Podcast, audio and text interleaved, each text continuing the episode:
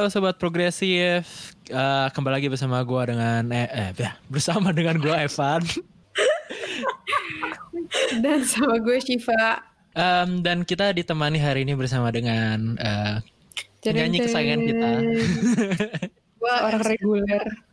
Ada podcast progresif. Iya, iya, ada Audi, Audi, Claudia. Hai Audi. Hai Audi.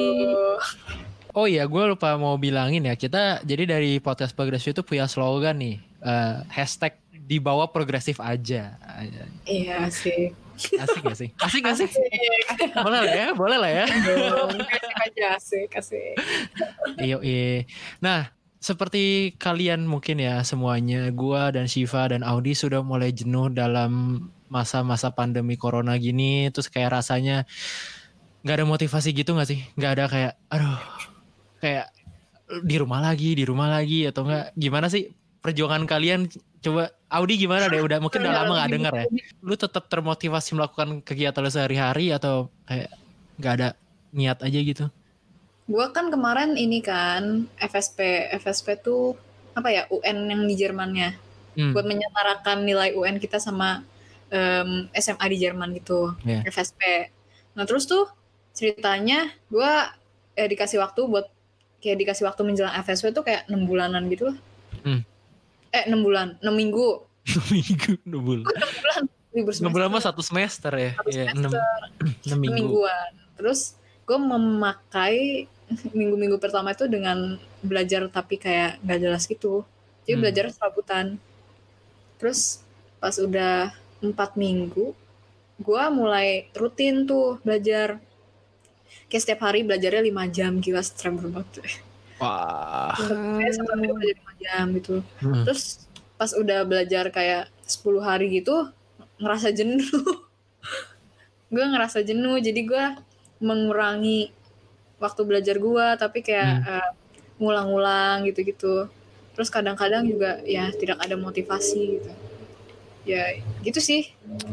Tapi semakin mendekati waktu-waktu FSP gue semakin kayak um, teratur gitu bangun bangun pagi gitulah hidupnya tuh kayak teratur gitu kayak apa kayak orang kerja gitu ya kantoran kayak gitu. biasa kayak gue mau melakukan sesuatu gitu hmm. hmm. gimana lu shift dengan tesis gue kebalik gue sama Audi kalau Audi jadi teratur gue jadi nggak teratur. Tapi kalau tesis harus kayak gitu ya harus sampai begadang-begadang gitu ya gue nggak tahu juga kenapa. Gue kayak mungkin karena kalau siang daerah gue kan lumayan sentral jadi tuh banyak hmm. berisik gitu loh. Mobil lalu lalang ini ya kita tetanggaan tapi kayak jalan sebelah rumah gue tuh beneran jalan gede gitu tuh sering hmm. Lewat-lewat apa namanya tukang somai oh, iya.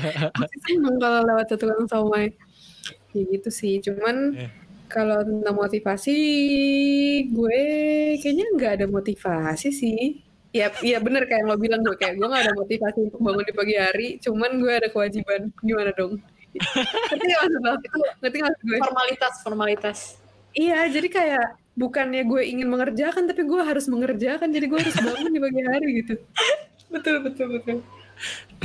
kayak ya sama gue juga kayak aduh bosan ini lagi ini lagi kan uh, sampai pemerintah tuh menyewa Mary Riana untuk ngasih seminar motivasi gitu ke kita semua waktu itu di di tim COVID gitu kan.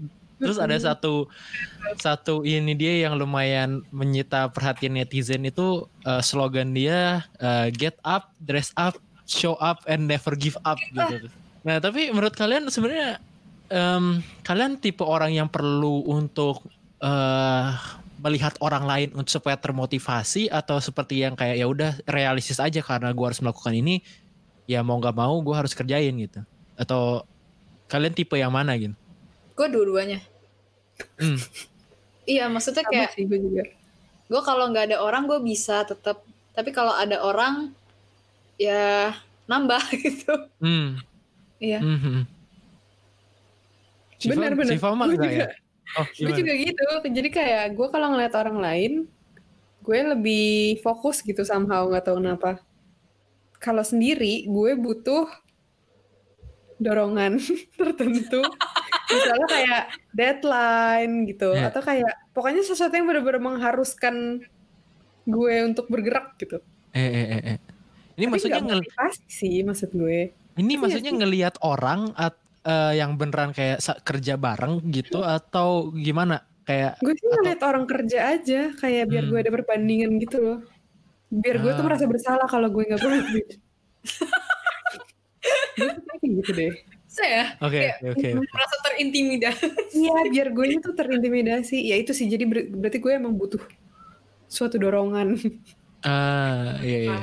Tapi gue juga tapi gue juga kayaknya salah satu orang tipe yang kayak gitu. Selama kuliah di zaman itu gue paling paling efisien tuh belajar di perpus ya. Tapi bukan bukan karena nggak berisik atau gimana, tapi karena ngelihat yang lain tuh belajarnya wah serius banget gitu. Terus gue Iya. jadinya kayak kayak wah iya dong terpancing gue kayak hayu hayu gitu. Lo pernah nggak sih? Lo pernah nggak sih kayak eh, lo datang lebih lambat dari satu orang gitu yang lo lihat di perpus gitu. Terus lo mau Terus pulang pulang. duluan. Tapi Iya lo iya lihat dia belum pulang. Terus lo kayak Iya iya. pulang nggak ya kalau dia aja belum pulang? iya iya iya iya benar benar benar Tapi benar. gue malah di perpus nggak bisa belajar tau. Gara-gara rasanya kayak gelisah. Kayak kan diem semua. Terus em, lingkungannya juga ambisius banget semua gitu kan. Hmm. Terus gue malah kayak, wah gila. Ini mereka belajar apa? Terus gue belajar apa? Gue gue suka kayak gitu sih. Terus Hmm. kayak ngerjain ngerjain ulangan juga. Gue tuh suka eh, apa ngumpulin duluan kan. Gue cepet kalau ngerjain apa apa gitu. Terus kalau ngelihat yang lain, gila gue langsung merasa terintimidasi juga. Tapi itu nggak nggak memacu semangat gue gitu loh. Itu malah Hmm. jadi bikin kayak bikin, panik. hah, gue salah ya? Gue gue salah apa? Weh gini gini gini. Iya, iya, Ternyata iya, iya. padahal nilainya eh, yang gue kerjain sama yang lebih lama itu sama gitu atau malah gue Oh. bisa lebih bagus gitu jadi kayak gue Iya. gue males sih, nggak nggak mau ngeliat orang gitu jadi gue pengennya ngeliat diri gue aja gitu terus kan kalau di perpus orang semua itu kayak yang terus kayak gue salah apa gitu jadi Iya. mendingan gue belajar di rumah lah sendiri terusnya mendengarkan lagu terus eh, kalau stres makan joget-joget gitu. Bisa Di- santai. apa? joget TikTok lu ya? Di oh gue udah nggak tiktok lagi lu nggak tahu gue pensiun. Oh iya bentar amat. Gue gue BTS sekarang. Eh, Gak gue udah guys ini TikTok lagi. member BTS Army kalian. Wah gila. Militan militan. Militan militan. banget. Dengerin episode kemarin ya. Gue newbie gue newbie Iya guys, eh, jadi sebenarnya memang eh, motivasi itu kan abstrak ya buat diukur. Mm-mm. Em, jadi kan eh, pas gue memikirkan kita mau ngomongin apa hari ini, kayak gue baru keinget karena gue pernah baca satu buku yang judulnya itu Grit, eh, G-R-I-T, atau alias eh, kekuatan passion ditambah kegigihan. Gitu. itu autornya orang Jerman apa Enggak, enggak eh, orang Amerika kayaknya Angela Angela Duckworth. Si apa namanya? Grit itu tuh singkatan atau bahasa Enggak. Inggris Grit itu eh, bahasa sebuah Inggris? Sebuah kata. iya sebuah kata bahasa Inggris, tapi eh, yang paling gampang untuk menjelaskan itu adalah eh, the power Passion. of passion and perseverance kalau bahasa Inggrisnya. Tapi kalau diterjemahin ke Indonesia jadi jadi kegigihan gitu. Nah, si Miss Angela Duckworth ini dia berusaha kayak bikin semacam IQ dari tingkat kegigihan seseorang. Jadi dicoba dinilai gitu loh. Kayak kan biasanya kan kita kan cuma bisa nentuin abstrak banget kan. Oh dia orangnya gigih, oh dia orangnya enggak gitu kan. Tapi dia berusaha bikin scoring em, orang tertentu levelnya segimana gitu. Nah, terus dia bandingin sama misalnya IQ seseorang atau eh, misalnya Audi skill nyanyinya atau bakatnya seseorang kayak gitu pasti. Nah, eh, terus dibandingin dan dia ngetes di berbagai macam lingkungan kayak di militer, di sekolah, di company, di di mana pun dan hasilnya selalu sama orang yang paling bisa bertahan sampai akhir itu bukan orang yang berbakat tapi orang yang punya kegigihannya tinggi. Jadi itu kan terbukti secara saintifik kan kan banyak orang yang mikir oh kita nggak perlu talent tapi kita perlunya kegigihan gitu. Nah tapi gue pengen nanya juga karena kan Audi eh, aktif di lingkungan yang mau gak mau art atau istilahnya bakat mem- punya peran yang penting Pengaruh. gitu kan pengaruhnya besar banget gitu. Nah kalau menurut lu di emang sebenarnya uh, di dunia lu ini bakat itu nggak nggak se berperan itu ya atau gimana tuh sepengamatan lu? Menurut gue, gue nggak tahu sih soalnya gue nggak tahu nih takut salah ngomong nih. soalnya menurut gue ya bakat sama kegigihan 50-50 sih jadi kayak hmm. kalau lu nggak punya bakat tapi lu gigi juga ya kayak lu bisa gitu viral tapi viral lu tuh apa artinya gitu kayak hmm, yang hmm. misalnya lu nggak misalnya lu nggak bisa nyanyi nih tapi lu tuh pengen jadi penyanyi gitu yeah. terus lu tuh dengan misalnya lu yang suara lu yang lu anggap bagus uh, terus lu nggak mau belajar tapi lu gigih untuk membuat cover gitu mm. lu tuh bisa terkenal gitu tapi kayak terkenal bakalan ini nih si Evan yang apa Jangan yang yang nyanyinya kayak gini gitu terus kayak ya ya menurut gue itu bukan suatu kesuksesan sih mm. uh, kan tapi kalau misalnya lu juga berbakat banget tapi lu tuh males gitu kayak gak mau mengembangkan apa yang ada di diri lu gitu udah dikasih talenta tapi nya dikubur gitu ya yeah. juga nggak bisa sukses jadi menurut gue kayak lu kalau lu udah berbakat lu harus gigih juga kalau misalnya bakat lu 50, kegigihan lu 50. Kalau misalnya bakat lu 40, ya kegigihan lu minimal 60 lah. Itu. Hmm. Hmm, hmm, hmm. Jadi tapi kalau misalnya gak ada bakat sama sekali atau bakatnya dikit gitu, tapi kebanyakan gigihnya menurut gue juga nggak nggak sukses dalam arti yang bagus gitu. Nah kalau apa shift kan lu kan uh, eh, BWL nih ya kan dalam artian lu uh, leaning ke kapitalisme gitu. parah banget iya benar gue udah cerita sama Evan kayak gue sempet nggak ngerti kenapa orang-orang sangat against kapitalisme gitu tapi sekarang gue udah iya. ngerti. Tapi tapi kan artiannya gini kan kapitalisme kan sangat penjunjung tinggi oh hard work pays off nah. kayak gitu gitu kan. Nah oh, menurut oh, ini juga gak kapitalisme tuh kayak apa? Kalau lu tidak berbuat sesuatu ya lu tidak akan mendapatkan sesuatu gitu. Karena yeah. ada yang mengasihani lu gitu. Betul iya betul betul banget. Kayak your life is in your hand banget gitu kan yeah, kayak yeah, nah kalau negatif build tuh. Benar benar. Nah, oke. okay. Kalau kalau menurut lu gimana shift di di uh, pengamat lu kayak kalau... ada nggak bakat gitu di situ? Kayak kalau menurut gue tergantung bidang atau konteks deh. Misalkan kalau di bidangnya Audi gitu, misalkan kayak show business gitu, hmm. gue setuju sih sama Audi. Kalau misalkan lo punya misalkan lo gigih gitu ya dalam misalkan lo give 100% lo terus ada orang yang kayak punya bakat dari lahir 50% dan dia cuman gerak kayak 50% kayak setengah dari yang lo berikan gitu ya lo paling enggak tuh sama gitu setara. Ngerti gak sih? Kayak dia dengan effort yang lebih dikit dari lo bisa sama levelnya sama lo gitu. Hmm. dan kalau misalkan si orang yang berbakat ini kasih satu persen lebih aja dari lo lo pasti kalah. Kayak mutlak gitu. Kayak yeah.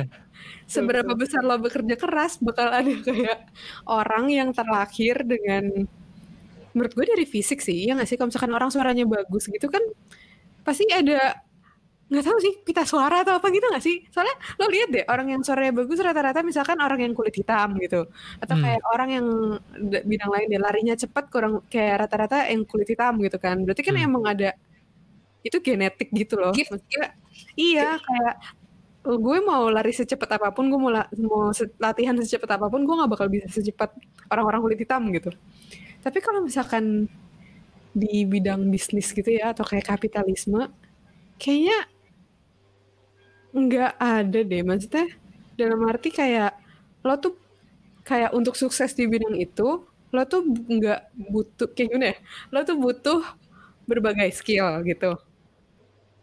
Dan skill-skillnya yang lo butuhkan untuk sukses untuk sukses menurut gue cuman butuh kegigihan. Ah oke okay, jadi okay. ini bener-bener tergantung konteks gitu. Kayak misalnya, ya ngerti kan maksud gue kalau misalkan di bisnis nih, uh, yang lo perluin apa sih? Kayak problem solving gitu. Hmm. Problem solving kan menurut gue lo nggak bisa terlahir dengan kayak ngerti gak sih kayak lo terlahir ngerti, ngerti. langsung pinter gitu. kayak oke okay, ngerti ngerti. Kalau IQ, IQ. lo mungkin tinggi, mungkin sebagian orang sebagian orang uh, kayak kapasitas IQ-nya lebih tinggi, sebagian lagi enggak. Tapi kan kayak lagi-lagi IQ itu sesuatu yang dilatih gitu kan kayak hmm. bisa berubah-berubah juga gitu Terus Ya. misalkan eh, public speaking itu juga sesuatu yang bisa dilatih. Kayak bukan kayak kalau pita suara lo lebih bagus tuh nggak bakal lebih jago public speaking gitu. Ya bener-bener Bener. juga. Menurut gue kayak tergantung bidang sih. Hmm. Lo gimana? Setuju nggak? Eh, Apa tuh? Gimana Eh, gimana? btw, btw gue juga kayaknya agak setuju sih kalau misalnya bidang yang pelajaran, maksudnya kayak bukan yang apa harus ngapa-ngapain gitu, kayak misalnya pekerjaan tangan atau gimana, kayak murni pelajaran gitu, itu bisa dilatih sih menurut gue. Kayak gue bisa gigi soalnya dulu gue tuh pernah ini weh sempet mau olimpiade matematika. Wah, Wow. ya karena itu dilatih gitu loh. Jadi gue kayak les tiap hari gitu-gitu. Terus kayak lama kelamaan lambat laun menghilang semua menguap jadi Hmm. ya itu mungkin karena nggak dilatih kalau- lagi. Karena nggak karena dilatih iya lagi. karena gue udah pensiun gak mau Eh, Susah. oke, oke. Apa menurut gua di bidang di buku ini tuh mer- dia sangat-sangat mengeneralkan dalam artian em, dia nggak nggak deny kalau sebenarnya bakat itu bisa sangat-sangat berpengaruh buat seseorang buat mencapai tujuannya dia gitu kan. Em, dan sama kayak misalnya contohnya tadi Siva bilang kalau orang kulit hitam biasanya punya genetik yang lebih bagus dari di bidang atletik gitu kan kayak kalau sekarang lu lihat pemain bola contohnya Iya. banyaknya orang hitam gitu sekarang nggak nggak nggak jarang banget yang kayak Thomas Müller yang kayak Sebastian Bastian Schweinsteiger tuh udah Atau orang lebih dikit Asia deh gitu. atau orang Asia ya bener kan atau- yang notabene-nya fisiknya lebih kecil gitu. Ya, ya, ya, ya, ya, benar, benar, benar, benar. Dan itu kita udah pernah bahas juga kan dalam artian ada hal-hal yang nggak bisa kita ubah yaitu kayak semacam privilege gitu kan. Kita kan udah pernah bahas di episode Aduh, itu udah 15 gitu pokoknya. Coba dicek aja eh apa tentang pri- privilege gitu kan. nah, eh tapi gue sangat pengen eh, share juga dengan kalian. Jadi yang dia masuk kegigihan di sini itu dia breakdown ke empat empat hal gitu loh. Mhm. Kayak empat hal ini yang mengga- yang merupakan karakteristik orang-orang yang gigih gitu. Nah, satu itu minat. Yang pertama itu dibilang minat. Jadi kalau orang gigih itu biasanya dia sangat inter- interested dengan bidang yang eh, dia tekuni. dia Mau. dia dia dia mau gitu dia mau nah eh, biasanya banyaknya orang tuh gigih di minatnya doang gitu nggak sih kayak tapi Hmm. kayak ini gue suka banget tapi udah gitu nggak nggak ini nggak melakukan hal-hal lain. Kayak kayak mungkin kalau di Audi gitu nggak sih di? Apa kayak di nyanyi gitu? Gue pribadi gue kayak gitu sih. Maksudnya misalnya gue cuman suka nyanyi tapi kunst yang lain tuh gue nggak suka. Kayak misalnya menggambar atau Hmm. em, clay pot gitu-gitu gue nggak suka. Jadi gue kayak einfach meninggalkan aja. Eh, apa walaupun gue nggak tahu gitu kalau misalnya eh, mungkin someday gue bisa tapi nggak mungkin sebagus yang orang yang emang dilahirkan berbakat di situ. Tapi gue bisa gitu. Terus kayak gue eh, apa cuman bilang kalau oh gue nggak bisa karena gue nggak pengen nyoba gitu. Gue nggak pengen menekuni bidang itu. Ah, oke. Ngerti, ngerti, ngerti. gue cuman pengen kayak musik sama nyanyi doang. Hmm, hmm, hmm, hmm. Lu sih, lu ada pernah harus memfilter minat nggak kayak ah gue minatnya ini doang terus yang lain gue tinggalin kayak gitu. Itu kayaknya salah satu poin supaya lu bisa mencapai Fokus. tujuan lu gitu nggak? Iya benar sih, fokus gitu nggak sih? Ah, susah ya. Gimana, gimana, gimana? Gi- Gue meninggalkan sesuatu untuk fokus yang lain. Iya kayak ah gue lebih minat ini, yang ini gue minat juga sih tapi mensortir mensortir mensortir gitu kayak mensortir. Hmm, gue gue seriusan mikir. lu ini lu kayak pengen jadi jurusannya kok Evan kan Weing Ah, terus tiba-tiba lu nggak suka fisika jadi lu meninggalkan gitu. oh, oh itu termasuk gitu ya? nggak tahu Iya kali. Iya. kayaknya iya deh terus Iya, jadi lu lu lebih le- eh, lu tahu yang ke arah mana yang lu lebih suka gitu Oh iya, jadi cerita gini, sobat progresif. gue itu mau kuliah teknik industri sama kayak Evan tadinya, tadinya nih ya. Iya. Terus pokoknya dari awal gue berangkat ke dari ke Jerman tuh gue di kepala gue gue belajarnya teknik industri gitu. Terus sampai gue masuk Stutkol, gue ketemu fisika dan fisikanya tuh beda banget sama pas gue SMA gitu. Kayak gue SMA tuh nggak pernah ada masalah sama fisika, gue ikut olimpiade fisika bahkan. Wow. Percaya nggak lo? percaya percaya percaya. Iya, terus Iya, sampai sampai Stutkol tuh gue yang bener-bener kayak kok gini sih fisikanya? Gitu kan. di situ gue sadar kayak kalaupun kalau misalkan gue mau kuliah teknik industri ya gue harus harus ngerjain itu. Kayak gue harus belajar itu. Dan gue tuh nggak suka kayak hmm. hidup lu lu akan berkutat dengan itu terus. Iya kayak gue tahu gue bisa kalau gue kerjain terus. Kayak gue tahu gue punya kapasitas ya cuman kayak gue bakal nggak happy gitu loh menurut gue hmm. kayak gue nggak suka jadi ya ujungnya gue banting setir gitu yeah. Kalau gue justru kebalikan chef. Jadi pas begitu masuk, kok gini amat sih kuliah teknik nah itu dia. Gue tuh ketemu Lovan, inget gak sih? Jadi tuh pas gue masuk sutkol, gue baru ketemu masuk oh, iya. sutkol. Evan oh, iya. tuh salah satu orang yang pertama kali gue kenal pas gue nyampe Munchen. Terus gue iya, tanya iya. kuliah apa, teknik industri. Oh itu kayak gimana? Terus dia cerita iya fisika bla bla bla bla bla. Terus gue oh, pada pada saat itu gue masih kayak oh oke okay, fine fisika gitu. Terus gue masuk sutkol gue kayak wah gue nggak bisa sih gitu. jadi ini thanks to Evan by the way jadi gue apa kelinci percobaan gitu kan? Tumbal, tumbal. iya. Iya. Apa di situ gue sadar gitu. Sebenarnya minat gue tuh bukan di teknik industri yang teknik industrinya banget. Karena gue untuk ujian-ujian yang berat itu gue hampir nggak hampir harus pindah jurusan. Hampir hampir beneran harus do gitu. Karena gue berapa kali ujian gak lulus. Karena susah buat gue nggak masuk gitu di pikiran gue kan. Uh, nah jadinya gue tuh uh, pas praktikum apa pas magang gue terekspos dengan bidang itu biasa IT security gitu cyber security. Terus menurut gue karena menarik menurut gue itu menjadi satu poin yang membukakan minat gue gitu loh. Kayak oh ternyata bisa ya kayak lu menggunakan skill analitik lu tapi nggak pakai buat mesin gitu. Hmm. karena kan kalau kalau teknik industri kan kaitannya selalu mesin atau enggak uh, produksi barang gitu. Gue tuh nggak tertarik sama produksi barang gitu orangnya. Kayak gue lebih suka menjual konsultasi ide-ide gitu. Nggak hmm. yang kayak memikirkan produk desain gitu. Gue nggak bisa gitu. Terus jadi, jadi mass production gitu ya iya kurang kurang gitu kayak menurut gue ya udah terus produknya jadi banyak terus kenapa gitu.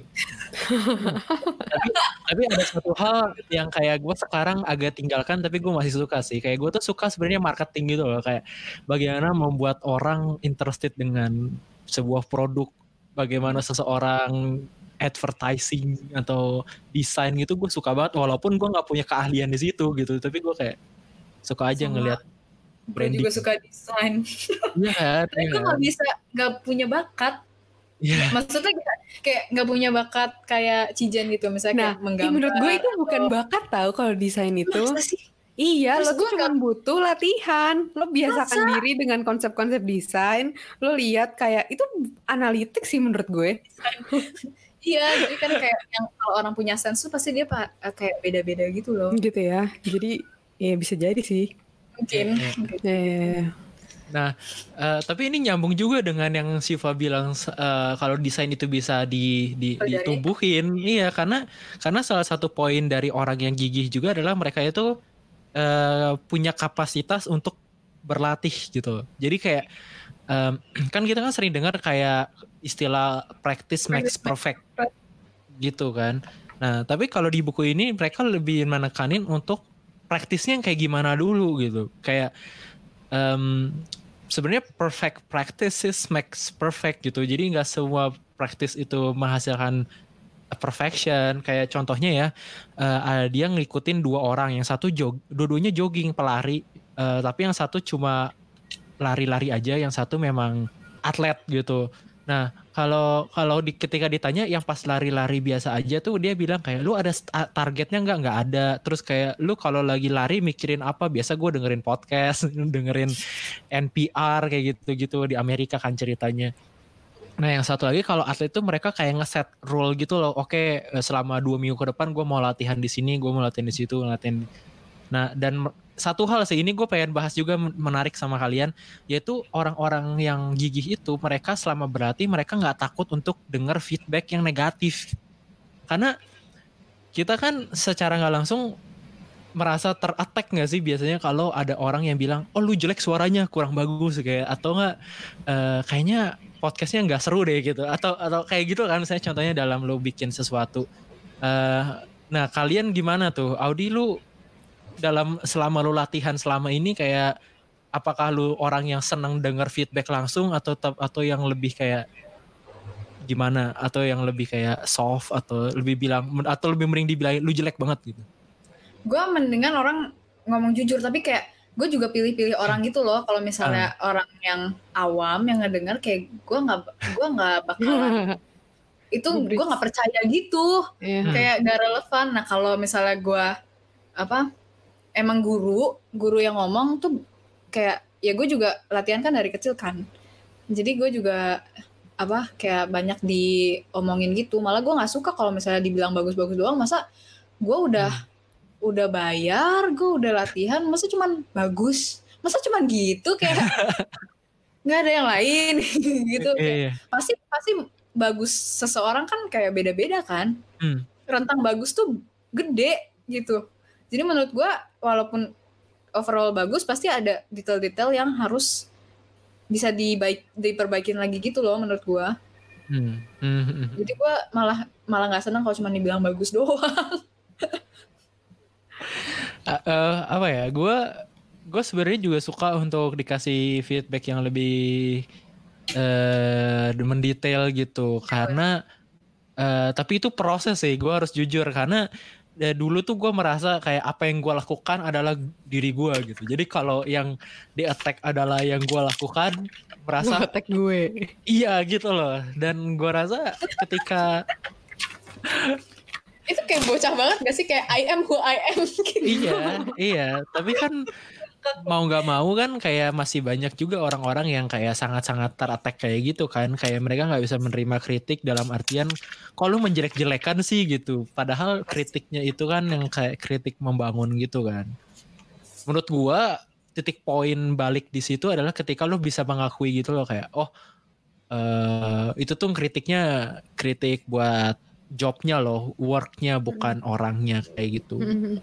kayak atau sesadar menyadari kayaknya gue ya nggak apa-apa salah juga gitu. Namanya juga manusia kan ya.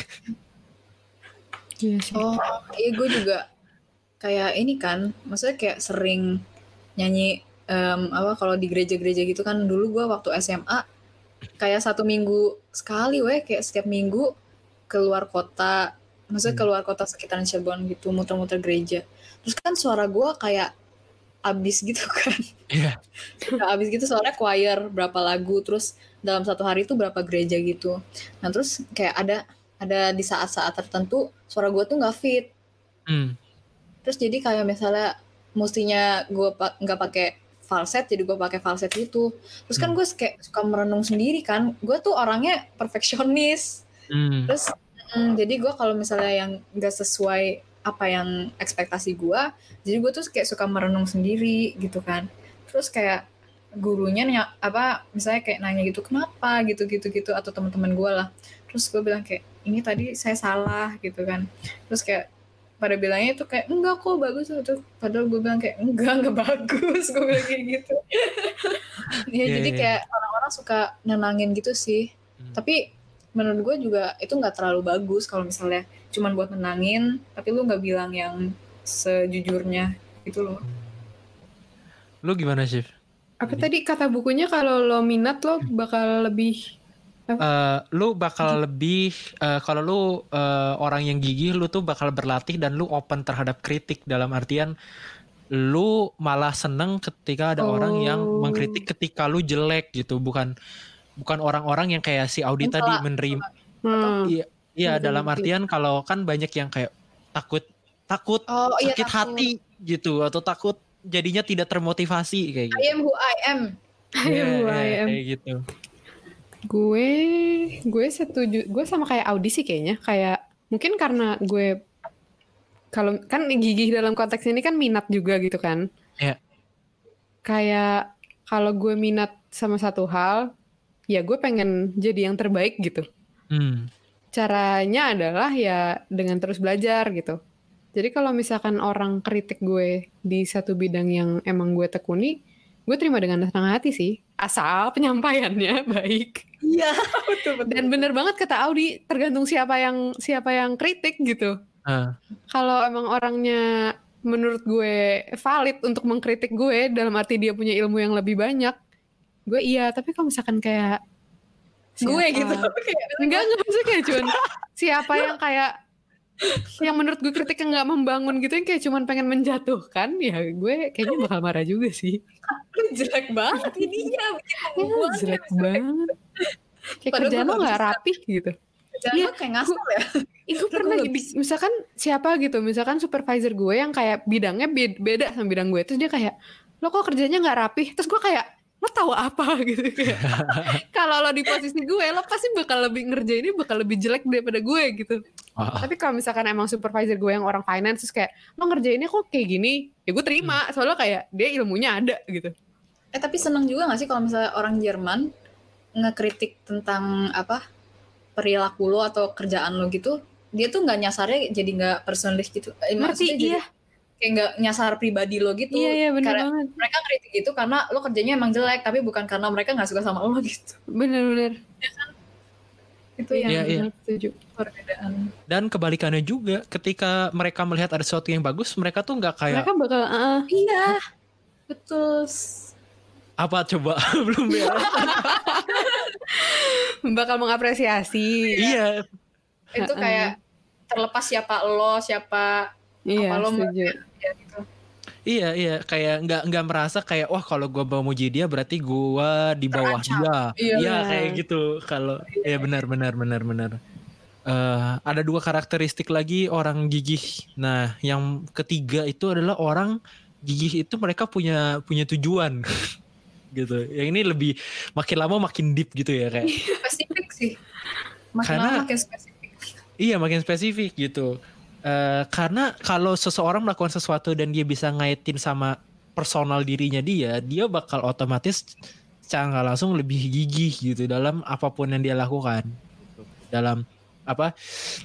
Jadi gue bukan melakukan ini demi perusahaan gue atau demi sayangnya dia demi orang tua atau demi eh, negara itu pun kayak masih terlalu abstrak gitu katanya. demi kata orang Iya, lebih lebih lebih baik lebih keras lagi orang yang bisa mengaitkan dengan value si orangnya itu gitu loh. Personal banget jadinya kayak apa? eh, enggak cuma untuk seseorang doang gitu. Discuss, discuss. mari kita mari kita mari kita discuss gitu. hmm Shiva masih lagi berpikir masih berpikir masih berpikir. tapi maksudnya make sense sih menurut gue masa gue ngerti kalau misalkan tujuan itu bisa nambah kegigihan seseorang. Hmm, menambah degree kegigihan seseorang. Kayak misalkan contohnya gue kuliah eh misalnya kayak tujuan gue nulis tesis adalah supaya gue lulus kuliah. Ya. terus kayak tujuan gue lulus kuliah adalah supaya gue bisa kayak bla bla bla. Jadi kayak Ya. ini tuh ini tuh mini mini tujuan tujuan gitu jadi kayak emang itu sih yang bikin gue bergerak di pagi hari gitu. Berarti maksud gue? Yang tadi gue bilang kayak gue bangun ya karena gue harus ngerjain tesis gitu. Kayak Karena mau gue nggak mau gitu. Jadi kayak walaupun gue nggak suka ngerjain tesis gue nggak minat tapi tuh di balik tesis tuh ada tujuan yang lebih besar yang bikin gue bergerak. Wow. gitu gak sih? Iya iya iya ya, benar benar benar benar benar. Tapi alangkah lebih keren lebih maksimal lagi kalau lu juga minat, terus lu juga bener Bener. makanya kalau ditambahin lo iya pasti bakal lebih gigi lagi gitu iya Kayak, benar. "Uh, misalkan topik tesis lo pas banget yang passion lo gitu Hmm.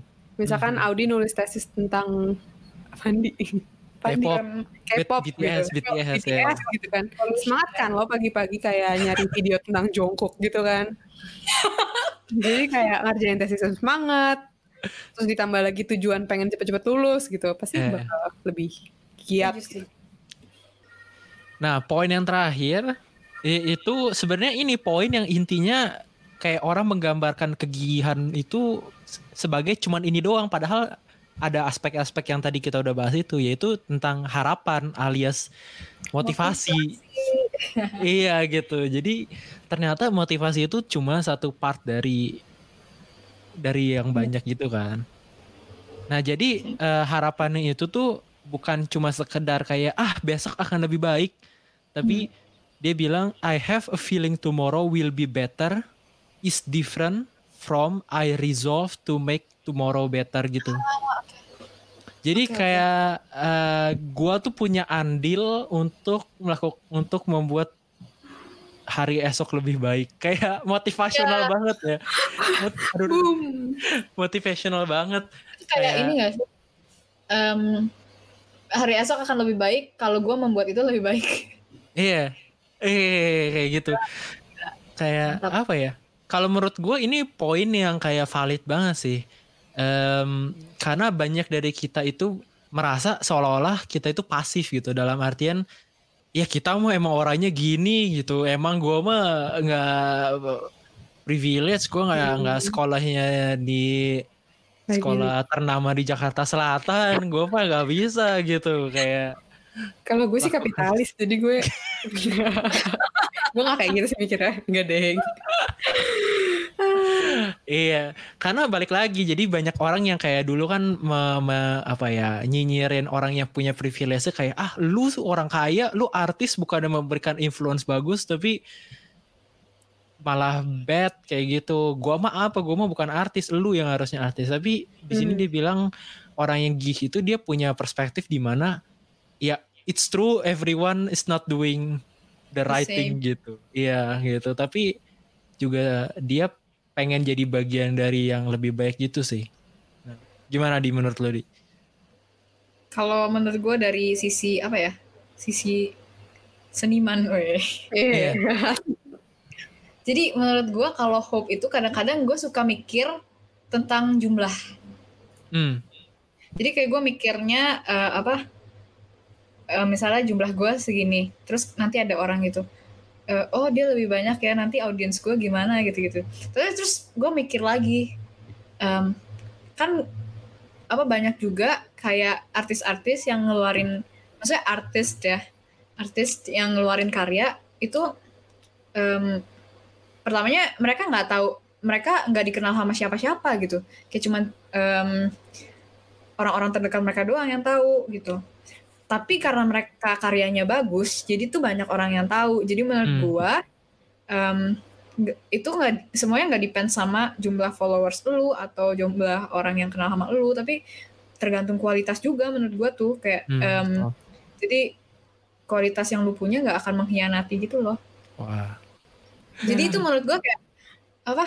Chillnya adalah jangan berkarya gara-gara lu mau dilihat sama orang banyak atau mau hmm, dapat place yang banyak tapi apa karena lu tuh pengen menunjukkan karya lo yang menurut lo itu terbaik dari lo gitu Wow. jadi memberikan Keren, keren. karya ya terus ada teman gua em, dia ini kan tim Alice juga nah dia juga song, singer songwriter juga nah terus dia bilang sama gua kayak em, ya gue bikin lagu bikin EP gitu bikin album sogar em, di Spotify karena gue pengen. Karena hmm, itu buat fun buat fun aja karena gue musician jadi gue harus punya karya. Iya. kalau masalah place atau uang mah urusan belakangan itu kayak nggak penting gitu. Dia bilang kayak gitu. Wah, menarik, menarik, menarik. itu menurut menurut gue itu membuka membuka mata batin gue sih. Mata, Iya, mata batin. Mata hati dan pikiran gue itu benar-benar Ya sama sih Hmm. kayak setiap kali kalau ada orang yang bilang kayak, oh lu bikin podcast, eh udah bisa dimonetize belum gitu kayak. eh, Yes. Iya kayak bukannya nggak banyak ya kalau podcast ya bukannya enakan YouTube gitu. Itu tahun lalu mereka ngomong terus sekarang tahun ini mereka ngomel-ngomel soalnya YouTube isinya artis TV kan. Jadi kayak eh lucu banget gitu kayak. Em, dan tapi gue sendiri gue juga bisa ngomel-ngomel karena di top 20 30-nya podcast Indonesia di Spotify itu semuanya artis. oh oke. Iya, Juga. sama dan kontennya sama. Yang di YouTube sama di Spotify sama cuman satu audio doang yang yang satunya. satunya pakai video. Iya jadi nggak ada bedanya gitu sebenarnya dan bedanya yang satu tuh lu bisa sambil unterwax gitu iya yang Ya. satunya lebih hemat kuota kan dibanding gitu. iya bener banget bener banget karena eh kayak mereka tuh lumayan banyak yang nanya-nanyanya atau nanya podcast itu cuma dari sisi eh apa yang mereka bisa ambil dari podcast gitu. Sementara gue mikirnya kayak apa yang gue bisa kasih ke podcast gitu loh. iya iya Iya benar sih? iya Iya. dan juga kadang-kadang gue berpikir ya kalau misalnya kita membandingkan angka-angka ini. Hmm. Terus kan pasti ada satu artis atau apalah misalnya selebgram ngomong gitu. Mereka angkanya misalnya kayak 10 M. Terus satu lagi benar-benar musisi atau seniman gitu. Mereka cuma punya berapa ratus ribu atau berapa puluh ribu. Yang mungkin yang emang yang si selebgram ini tuh lebih gimana ya lebih eksis di kalangannya dia. Hmm. Tapi yang eh, yang contribute ba- lebih banyak atau lebih memberikan banyak influence tuh malah yang followersnya sedikit ini tapi dia benar-benar the true dia kasih karya dia eh, apa dia kayak bikin kebaikan menyebar kebaikan terus jadi Hmm. berkat buat orang lain gitu kayak menurut gua lebih ini lebih hidupnya lebih bermakna yang ini Wah. si followersnya dikit Iya sih? Iya, iya benar benar benar. Eh shift, gue tapi jadi men- nggak nggak gue jadi kepo nggak nggak gue kayak gue nggak nggak akan nanya lu karena lu kelihatan bingung tapi gue bener-bener mencerna gitu dari tadi kayak soalnya Enggak, gue tuh ya terus terus gimana lu kenapa? nggak Lu soalnya ini abstrak banget menurut gue Terus, Iya, terus. iya. Sesekali kan podcast progresif ngomongin sesuatu yang abstrak gitu kan. Eh ini nih apa nggak gue gue penasaran karena eh, lu kan juga di di bidang Wirtschaft teknik eh Wirtschaft itu ekonomi ya kan Hmm. ekonomi dan gue juga tahu di situ karena sekarang banyak banget kayak orang-orang kayak atau brand dalam artian yang mereka eh, juga mulai melakukan hal-hal baik dalam artian mereka punya inisiatif ngurangin plastik, inisiatif misalnya bikin campaign ini, inisiatif bikin campaign itu. Em, ya menurut lu itu eh suatu hal yang memang sincere atau memang cuma gimmick doang gitu? kayak kalau ngomongin tentang ekonomi apalagi di zaman sekarang kita ngomong tentang kapitalisme ya kan Iya. Iya.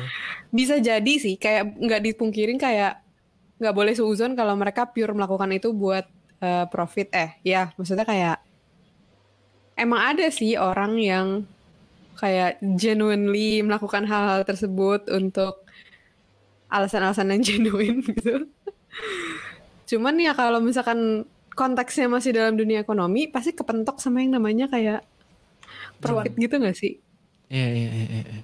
jadi kayaknya menurut gue kalau hal-hal yang kayak gitu bentar kerudung gue copot. kalau hal-hal yang kayak gitu eh jadi gini, gue lagi nulis tesis juga kebetulan tentang itu tentang sustainability in sports organization gitu. Taruh lu, taruh lu. Menarik banget sustainability kan? in menarik in dong. sports organization. Jadi gue bikin case study tentang Ada yang um, cepet bodoh gitu ya. Forest Green Rovers. Dia itu Oh, gue tahu banget itu. dia Forest itu Green football Rovers, ya. club yang paling hijau Vegan. di dunia. Iya. Dia vegan. Iya, dia semuanya pokoknya dia ngurangin karbon emisi pokoknya chill dia apa goal terbesar dia adalah supaya jadi karbon netral Keren Dan banget.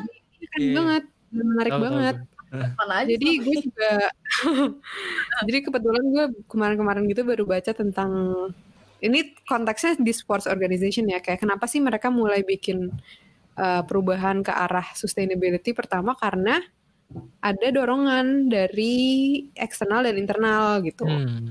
Hmm. misalkan misalkan kita ngomong tentang stakeholders ya misalnya di sports organization kan pasti ada investor ada fans ada player ada bla bla bla gitu Hmm. terus misalkan dari fans fansnya mulai melek tentang soal isu lingkungan gitu kalau misalkan mereka tetap stick sama praktisis yang lama pasti mereka bakal dicaci maki gitu kayak Iya. lo apa ini nggak ramah lingkungan banget masa gini-gini doang pakai plastik bla bla bla bla bla gitu terus investor juga kan kayak ngelihat pasarnya kayak gitu ya mereka pasti kayak gitu juga gitu Hmm.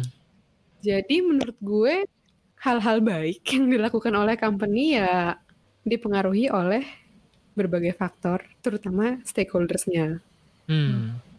Dan stakeholders tuh di mana-mana yang paling besar tuh consumer gak sih? betul Iya, Jadi kita kita. ya? In a way kalau misalkan kita pure, misalkan kalau kalau consumer kan relatively kayak emang mikirnya beneran gitu genuine gitu. Dan perusahaan ngikutin. Jadi Hmm. kayak in a way emang emang baik gitu maksudnya. Cuman Iya, kayak kayak on the other hand juga dia sebenarnya kayak gitu cuman buat ngikutin doang gitu biar dia Iya. nggak tergeser dari kompetisi. gitu. Jadi ya menurut gue ini tidak ada putih dan hitamnya gitu. Enggak, tapi Semu tapi ya? semu iya. Tapi tapi menurut gue ini menarik banget. Itu sum up point terakhir kita dalam artian kayak eh, kita kadang merasa ah kayaknya nggak ada harapan nih kalau misalnya eh, kita bakal bisa ngurangin eh, polusi plastik kayak gitu kan. Karena karena company gede masih pakai plastik banyak banget. Tapi kenyataannya Salah, Company- soalnya uh, iya, mereka heeh. kan ngikutin kita gitu. iya, iya, iya, iya, iya, iya. Terus ngomong tentang ini, gue ada tadi keingetan tentang kayak um, quotes. Gue tuh gue tuh kayak nggak suka banget sama quotes quotes ya, soalnya Hmm. kayak gue tuh nggak terinspirasi aja gitu kayak ini semua bullshit gitu. Kecuali dari orang-orang yang menurut gue emang kayak wah gitu.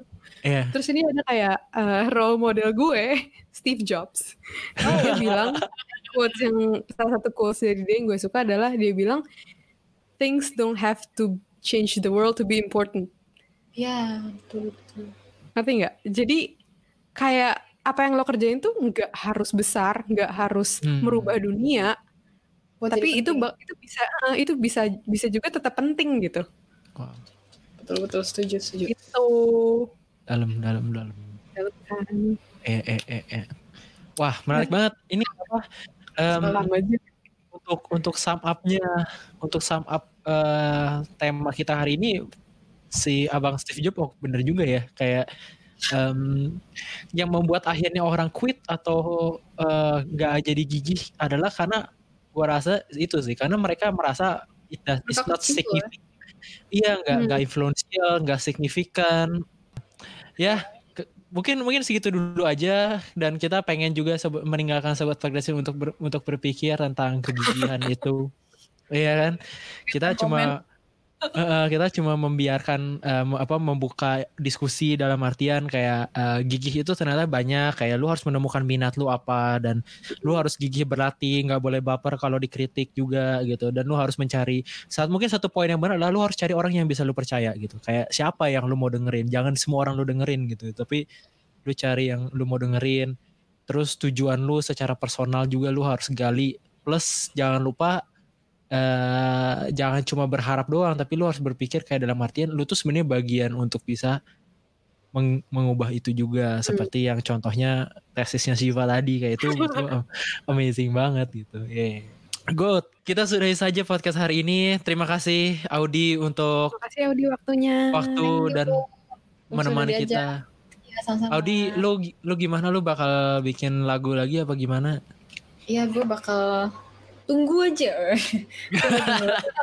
Ditunggu tanggal mainnya kawan-kawan. Ini ini kayak udah banyak yang nanya banget nih. Iya. iya. Gue untuk bikin-bikin lagu, padahal emang gue sedang membuat lagu, cuman Hmm. em, tidak semudah itu karena beberapa alasan. Rencananya November sih. Wah, November. bocoran nih. Ini pertama kali eksklusif hanya di podcast progres. Soalnya kan ini udah tinggal berapa bulan lagi ya? iya, tiga bulan Rencananya lagi ya, empat bulan. Ya harusnya harusnya bisa keluar sih. Amin, amin, amin. Oke deh kalau gitu, thank you Adi, eh, Audi, Audi lagi. Thank you, thank you Shiva juga. Juga Evan. Thank you buat sobat progresif yang udah dengerin sampai akhir. Semoga kalian dapat sesuatu hari ini dan jangan lupa follow at podcast underscore progresif juga dan jangan lupa untuk dengerin episode-episode lain kita Senin sampai Jumat ada untuk kalian dan eh, sampai ketemu minggu depan ya sama gue dan Shiva ya. Yoi. Dadah. Eh, jangan lupa di bawah progresif aja. Di progresif aja. Dadah. Dadah.